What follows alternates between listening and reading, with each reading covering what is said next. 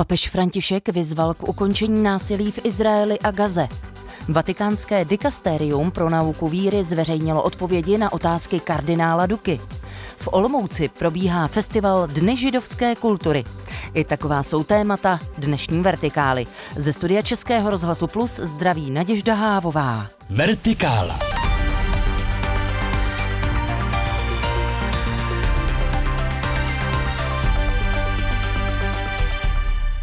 Papeže Františka velmi znepokojuje úplná blokáda, kterou v posledních dnech zažívá pásmo Gazy. Podle hlavy římskokatolické církve má napadený, tedy Izrael, právo se bránit. Detaily už má Adam Šindelář. Vítej ve studiu. Dobrý den. Papež František řekl, napadený má právo na obranu, ale jsem velmi znepokojen ohledně úplného obležení, ve kterém žijí palestinci v Gaze, kde rovněž bylo mnoho nevinných obětí.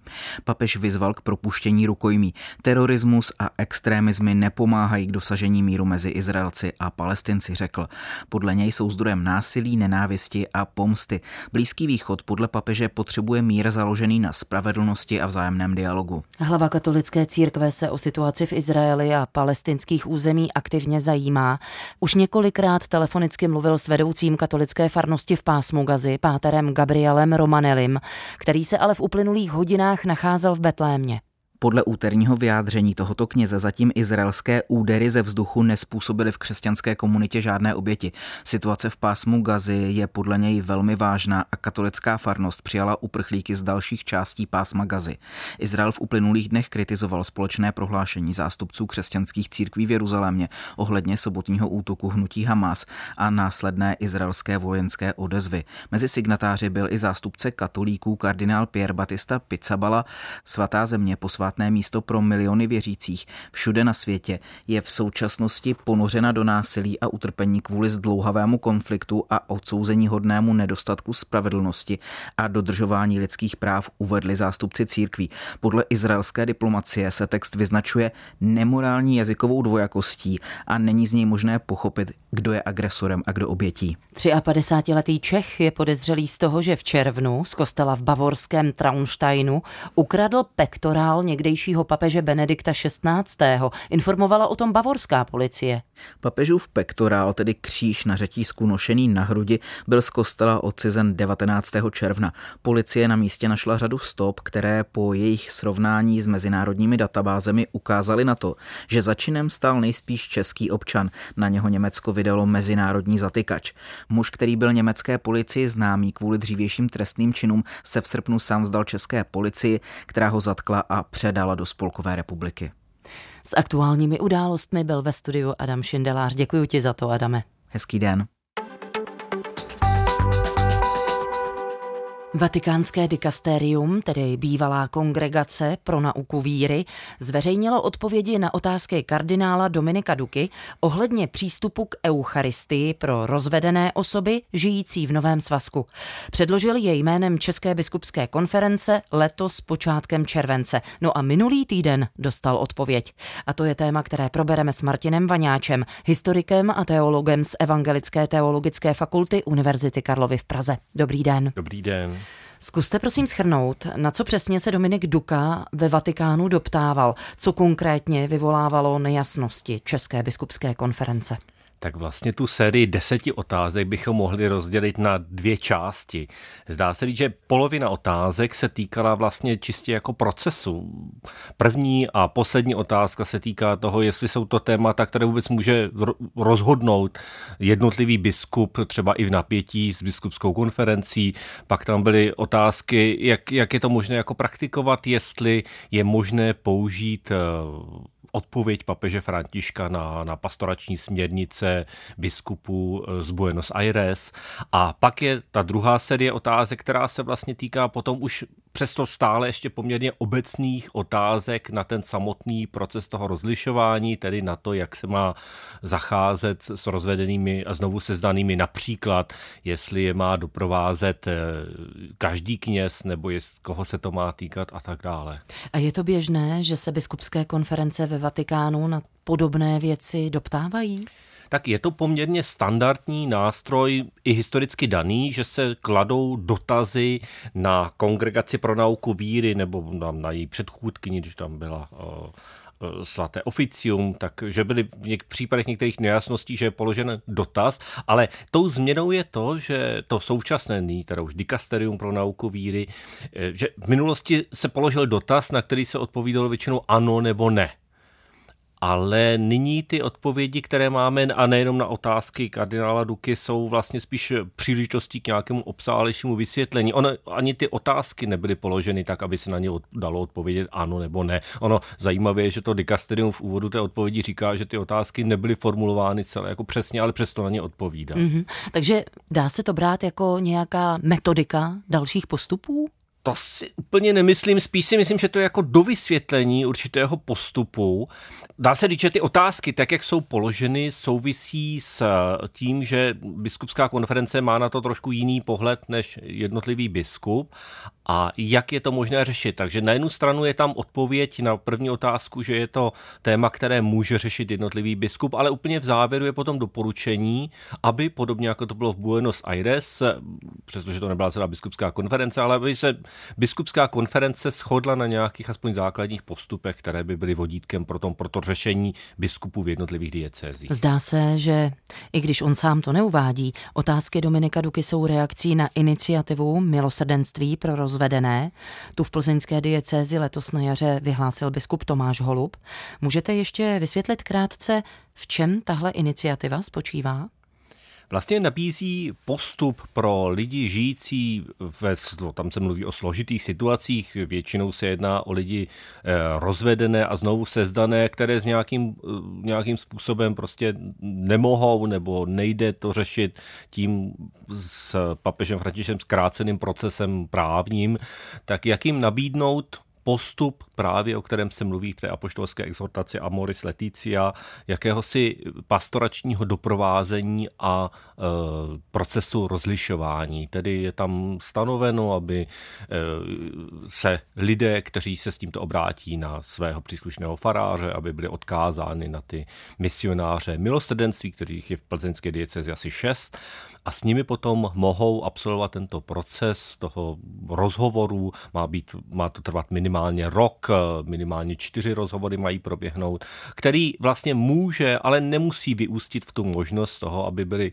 zapojeni do toho života církve, včetně eh, té účasti na Eucharistii. To je potřeba právě zdůraznit, že to téma se hodně jako zužuje na to, jestli ti lidé mohou nebo nemohou přijímat Eucharistii, ale přece ten proces je pojat mnohem jako šířeji. Tam jde o to vlastně nemávnout rukou tyhle lidi prostě nechceme, protože žijí v neregulární situaci, my si to představujeme jinak, ale naopak je tam jako ta nabídka té možnosti, pokud ty lidé mají touhu nějakým způsobem o té věci přemýšlet, zpytovat svědomí a, a řešit to a otevírat se boží milosti a využít službu církve k tomuto, tak, aby se jim nabídla nějaká cesta.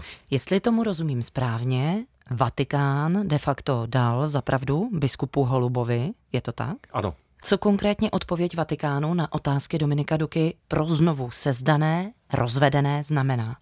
Řeknu to tak jako jen, já si myslím, že momentálně nic, protože to je proces, ke kterému se v tom, v tom českém prostředí zatím odvážil pouze plzeňský biskup Tomáš Holub se svojí diecézí a patří mu za to velký dík, protože když si uvědomíme, že to je sedm let po vydání té encykliky a vlastně i on sám říká, že ten proces v té diecézi trval vlastně rok a půl, tak, tak je to jako vidět, jak pomalu se ta určitá mentalita a pastorační přístup Papeže Františka dostává do toho českého prostředí. A vlastně ukazuje se, že, že ještě navíc narazil, protože je potřeba říct, že ty dotazy, eh, které čteme od kardinála Duky, trošku působí jako žalování do toho Vatikánu a ještě, ještě některé jsou takové absurdní, že se tam třeba ptá, jestli je možné použít ten přístup eh, těch biskupů z Buenos Aires a přitom eh, ten úřední věstník, který je zveřejnil, k tomu vysloveně dodává, že, že je to jakoby výklad, že to je autentické magisterium, jak je možné aplikovat teda tu uh, apoštolskou exhortaci Amoris Leticia. Použil jste slovo žalování do Vatikánu. Signalizuje tahle v uvozovkách kauza nějaké názorové rozdělení mezi českými a moravskými biskupy? Já si myslím, že ano, ale je to takové zvláštní, protože si myslím, že je zcela normální, když je společenství, kde jsou lidé různého věku, různého původu, různého vzdělání, že tam vzniká napětí a konflikty. Ale my máme někdy v církvi tak, že si tak jako hrajeme na to, že jsme prostě bratři a že my se nedohadujeme, takže je to, bych řekl, jako uměle ututláváno a mě třeba i vadí, jak v těch dotazech je používáno to slovo jako jednota, že se tam jako ten dotaz první se týká, že nějaká diecéze to může v nejednotě s biskupskou konferencí zcela autonomně rozhodovat a tam se vlastně z jednoty dělá takový jako nástroj, takový nějaký klacek, kterým se bude tlouc ten, který si dovolí něco jiného. Přitom Můžeme být opravdu vděční za tento eh, čin, za, za tu snahu eh, aplikovat eh, tu pastorační pokyny papeže Františka pro to české území a můžeme jako doufat, že i tento, toto pozbuzení a doporučení, aby se k tomu tématu biskupská konference vrátila a hledala společný postup, povede k tomu ne k nějakému falešnému předstírání jednotného postoje, ale skutečně k výměně názorů, která povede k tomu, že se ty výzvy papeže Františka konečně budou i v České biskupské konferenci brát vážně. A co tedy myslíte? Je pravděpodobné, že nějaká diecéze bude iniciativu té plzeňské třeba v Brzku následovat? Eh, tak Pavel Konzbul, biskup brněnské diecéze, ve svém pastoračním listu z 1. září oznámil, že něco takového připravuje. Tam je otázkou, pokud ty diecéze budou chtít jakoby převzít s mírnou adaptací už ten model, tak by to bylo vítané, protože, jak říkám, ten samotný proces plzeňské diecézy trval déle než rok a půl, takže je to vlastně běh na dlouhou trať, není možné to jako napsat od stolu, ale eh, tím, že zase jsou tady ty pokyny a tak, jak jsem použil to slovo žal schvalování. To může být ku prospěchu, že to vlastně podpoří eh, další diecéze, aby se tomu otevřeli a mají tu cestu trošku jako už prošláplou, jak těmi pastoračními směrnicemi z Buenos Aires, tak třeba touhle s tou plzeňskou, eh, plzeňskou iniciativou, takže si myslím, že se to jako nabízí a že by to mohlo situaci v České biskupské konferenci nebo respektive jednotlivých diecezích posunout. Odpovědi vatikánského dikastéria na otázky kardinála Dominika Duky. To bylo téma pro Martina Vaňáče, historika a teologa z Evangelické teologické fakulty Univerzity Karlovy v Praze. Děkuji za váš čas a návštěvu ve studiu. Děkuji za pozvání. Posloucháte Vertikálu aktuality, reportáže a rozhovory z duchovního světa, doplněné debatou o věcech mezi nebem a zemí. Poslechnout si je můžete také na webu plus.rozhlas.cz, v aplikaci Můj rozhlas a v dalších podcastových aplikacích. Papež František vyzval světové lídry, aby se zavázali plnit klimatické cíle a zpomalili tak změny klimatu dřív, než bude příliš pozdě. Uvedl to ve své nové apoštolské exhortaci nazvané Laudate Deum. Laudate Deum je pokračováním a aktualizací papežovy encykliky nazvané Laudato Si z roku 2015. A my o ní teď budeme mluvit s koordinátorkou Žít Laudato Si Česká republika Světlou Hanke Jarošovou. Dobrý den. Dobrý den, děkuji za pozvání. Jsme rádi, že jste je přidala. Co je obsahem exhortace Laudate Deum? Exhortace Laudate Deum je o klimatické krizi, má to v názvu, takže je to takový naléhavý apel na vlády, mocné a všechny lidi, kteří můžou a měli by se zapojit do toho úsilí o řešení klimatické krize, která ohrožuje lidstvo. A čím se liší od té předchozí Laudato si? V něčem výrazně? Tak Laudato Si je encyklika, je to mnohem rozsáhlejší dokument, který se zabývá více tématy, je víc sociálně naučný, když to tohle je krátký text, který jako chce aktualizovat, vyjádřit se k té situaci, jak se vyvinula za těch 8 let, že vlastně se nic nezlepšilo, pořád se to zhoršuje, taky ten dokument je představený teď krátce před konferencí COP28 jako apel na ty vůdce politické špičky, které se na ní sejdou, aby se na něčem dohodli a zavázali se k rychlé energetické transformaci, která podle papeže Františka může přinést významné zlepšení. Papež František také říká, nereagujeme dostatečně, jsme blízko bodu zlomu. Dá se s tím souhlasit a co by podle vás teď třeba měla být taková dostatečná reakce, jestli je tedy ještě vůbec nějaká možná? Tak jestli jsme před bodem zlomu nebo za ním, já si netroufám odhadovat. Určitě už nastalo mnoho nevratných změn ve světě, které se budou tou setrvačností světových systémů prohlubovat a zhoršovat. A jak ale píše František v exhortaci Laudate Deum, každá desetina stupně, o kterou se to oteplování podaří zastavit nebo snížit, se počítá, protože každá ta desetina stupně znamená méně utrpení pro mnoho lidí. Takže ta adekvátní reakce by byla rychle transformovat ekonomiku z uhlíkové na bezuhlíkovou a to by přineslo mnoho nových pracovních příležitostí. Papež také mluvil o slabosti mezinárodní politiky. Jakou má podle vás vůbec šanci vzburcovat politické špičky, aby se tématu globální změny klimatu začaly věnovat dostatečně? To já nevím, za to my se modlíme. Jak to dopadne, já nevím. Papež František se také zastává aktivistických organizací a skupin, které jsou negativně vykreslovány jako radikalizované. Ve skutečnosti ale vyplňují prostor, který zůstává prázdný po celé společnosti, jež by měla vyvíjet zdravý tlak. Konec citace. Snažíte se nějak s iniciativou Žít Laudato si Česká republika zapojit právě tu širší společnost? Ano, ano, naším cílem je povzbuzovat lidi, kteří už jsou zvyklí se modlit, aby do té svojí modlitby právě zapojili tu starost toho světa, který je zubažovaný nezájmem mocných, aby tu péči o svět a modlitbu za svět učili svoje děti. A to se nám trošku v malých ostrůvkách daří, tak z toho máme radost. Po osmi letech papež František tedy aktualizoval téma ekologie v novém dokumentu. Vy po té encyklice Laudato Si jste založili iniciativu Žít Laudato Si. Jste její koordinátorkou. Budete tedy nějak na základě tohoto nového dokumentu ještě práci aktualizovat vy? Ta naše práce se pořád vyvíjí. Já jsem vděčná za ten nový dokument, je takovým povzbuzením na cestě, pobídkou k vyššímu nasazení, tak o něj budeme usilovat s boží pomocí. Já vám držím palce, ať vás energie neopustí. Naším hostem byla koordinátorka Žít Laudato si Česká republika Světla Hanke Jarošová. Děkuji. Děkuji vám. Naschledanou. Až do příští neděle potrvají Dny židovské kultury Olomouc. Letos jsou jejich tématem spolky a spolkový život, protože jednou z prvních aktivit nově se utvářejících židovských komunit po revolučním roce 1848 bylo právě zakládání spolků. Více o tom v reportáži Blanky Mazalové. Židovské spolky byly takovým jakýmsi hájeným prostorem pro to setkávání té česko- a německojazyčné kultury, které se navzájem příliš nemuseli a které se proti sobě dost často vyhraňovaly, ale třeba právě na těch sezeních se dost často propojovaly. Vysvětluje výběr tématu judaistka Ivana Cahová z Univerzity Palackého. Tady na tuto sociální propustnost a řekněme i národnostní a jazykovou propustnost my bychom rádi poukázali a představili ty aktivity všech typů spolků, od těch eh, náboženských a těch, které samozřejmě s tím běžným životem židovské komunity či obce, chceme-li, souvisí, tak těch sekulárních, od tělovýchovných, volnočasových přes kulturní, až k těm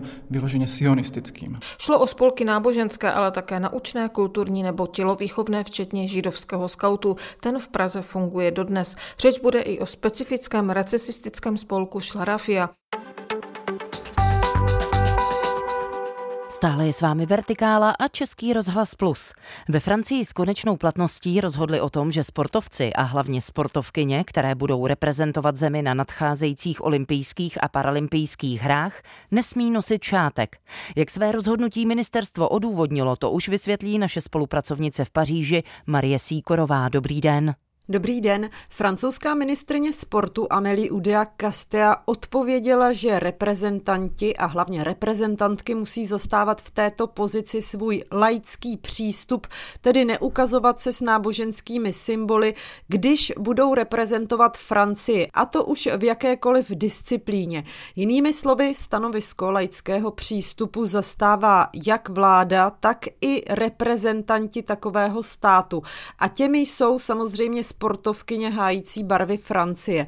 A reprezentovat stát budou při olympiádě a paralympiádě v Paříži v příštím roce i sportovkyně a sportovci. Dokonce se v některých médiích objevil i argument, že je to otázka finanční, protože sportovkyně reprezentují stát, stát do této jejich přípravy investoval finance a jsou do ní tedy vkládány peníze, tudíž je to státní povinnost, což je mnohdy vysvětlováno i na úrovni národních sportovních federací. Některé z federací jsou totiž z části dotované státem. Jak se ke stanovisku Francie vyjádřil Mezinárodní olympijský výbor? Výbor nezastává stejné stanovisko jako Francie, respektive francouzská vláda, která z rozhodnutí a prošetření státní rady Francie rozhodla o zákazu nošení šátku a zahalování si hlavy, a to z náboženských důvodů. Podle názoru ministrině sportu to opačné stanovisko, které zastává olympijský výbor, je proto, že olympijský výbor se věnuje otázkám kulturním a ne kultu, tedy vyznání. A z toho vychází právě francouzská vláda. Podle ministrině sportu Amélie Uedy Castille je totiž šátek vyjádřením náboženské příslušnosti. Veřejný prostor navíc má reprezentovat stát, být tedy vyobrazený k reprezentaci státu na tak mediálně exponované akci a sportoviště tak nemá být místem k propagaci náboženství. Ve Francii je to totiž i otázka takzvaného navádění k náboženství. A jak se k tomu staví samotné francouzské sportovkyně? Už na úrovni národních federací jednotlivých sportů nepanuje schoda. Někdy pokrývku hlavy povolují, jinde zase zakazují. Zákon to vyloženě nenařizuje ani nenakazuje. Na druhou stranu zde existuje takzvaná dohoda o náboženské neutralitě, totiž národní federace jsou vlastně nezávislé, představují soukromý subjekt, takže se nacházejí v jakémsi zákonném váku. A tudíž si tedy každá federace ve Francii řeší tuto otázku sama sama. Šátek smí nosit rugbystky, házenkářky nebo tenistky, naopak zákaz hijábu platí pro francouzské basketbalistky nebo samozřejmě pro francouzské fotbalistky, což, jak jsme se mohli přesvědčit v uplynulých dnech, při mistrovství světa činilo velkou diskuzi. Fotbalistky se tak mnohdy organizují i jinak a jinde, než pod hlavičkou FFF, tedy francouzské fotbalové federace, aby tedy ten hijab při utkání nosit mohli mohli. Sportovkyně tak mají jiný přístup při hrách národních a při hrách mezinárodních? Je to tak, totiž mnohé z francouzských sportovkyň a hráček se může odebrat na mezinárodní úroveň. Například to, co není povoleno na zápas francouzské ligy, je naopak povolené na mezinárodní úrovni. A to třeba pod záštitou FIFA, které šátek povoluje od roku 2014. Ostatně o tom jsme se mohli přesvědčit právě při letošním mistrovství světa, kdy v hijabu vůbec jako první žena hrála maročanka Nuaila Banzina. Hijab povoluje Mezinárodní federace třeba basketu, boxu, karate a nebo atletiky. Takže francouzské rozhodnutí, rozhodnutí této francouzské vlády je vlastně čistě vnitropolitické nařízení, které bude platit jen pro francouzské ženy, francouzské sportovkyně. Francie tak trochu těží z toho, že je pořádající zemí a dá se říct, že svého postavení jemně využívá. To velmi pobouřilo totiž i OSN. Podle mluvčí Vysokého komisariátu OSN Marty Huarto nikdo nesmí ženám nařizovat, co mohou a nemohou nosit na sobě. Francie si tak v podstatě zadělala na svůj osobní diskriminující skandál při hrách, které sama pořádá. To byla přímo z Francie naše spolupracovnice Marie Síkorová. Děkuji, naslyšenou. Děkuji naslyšenou a pěkný den. A první část dnešní vertikály už je ve finále. Za malý okamžik tady je rozhovor s Pavlem Gáborem, jezuitou a také astronomem z Vatikánské observatoře. Naděžda Hávová přeje hezký den.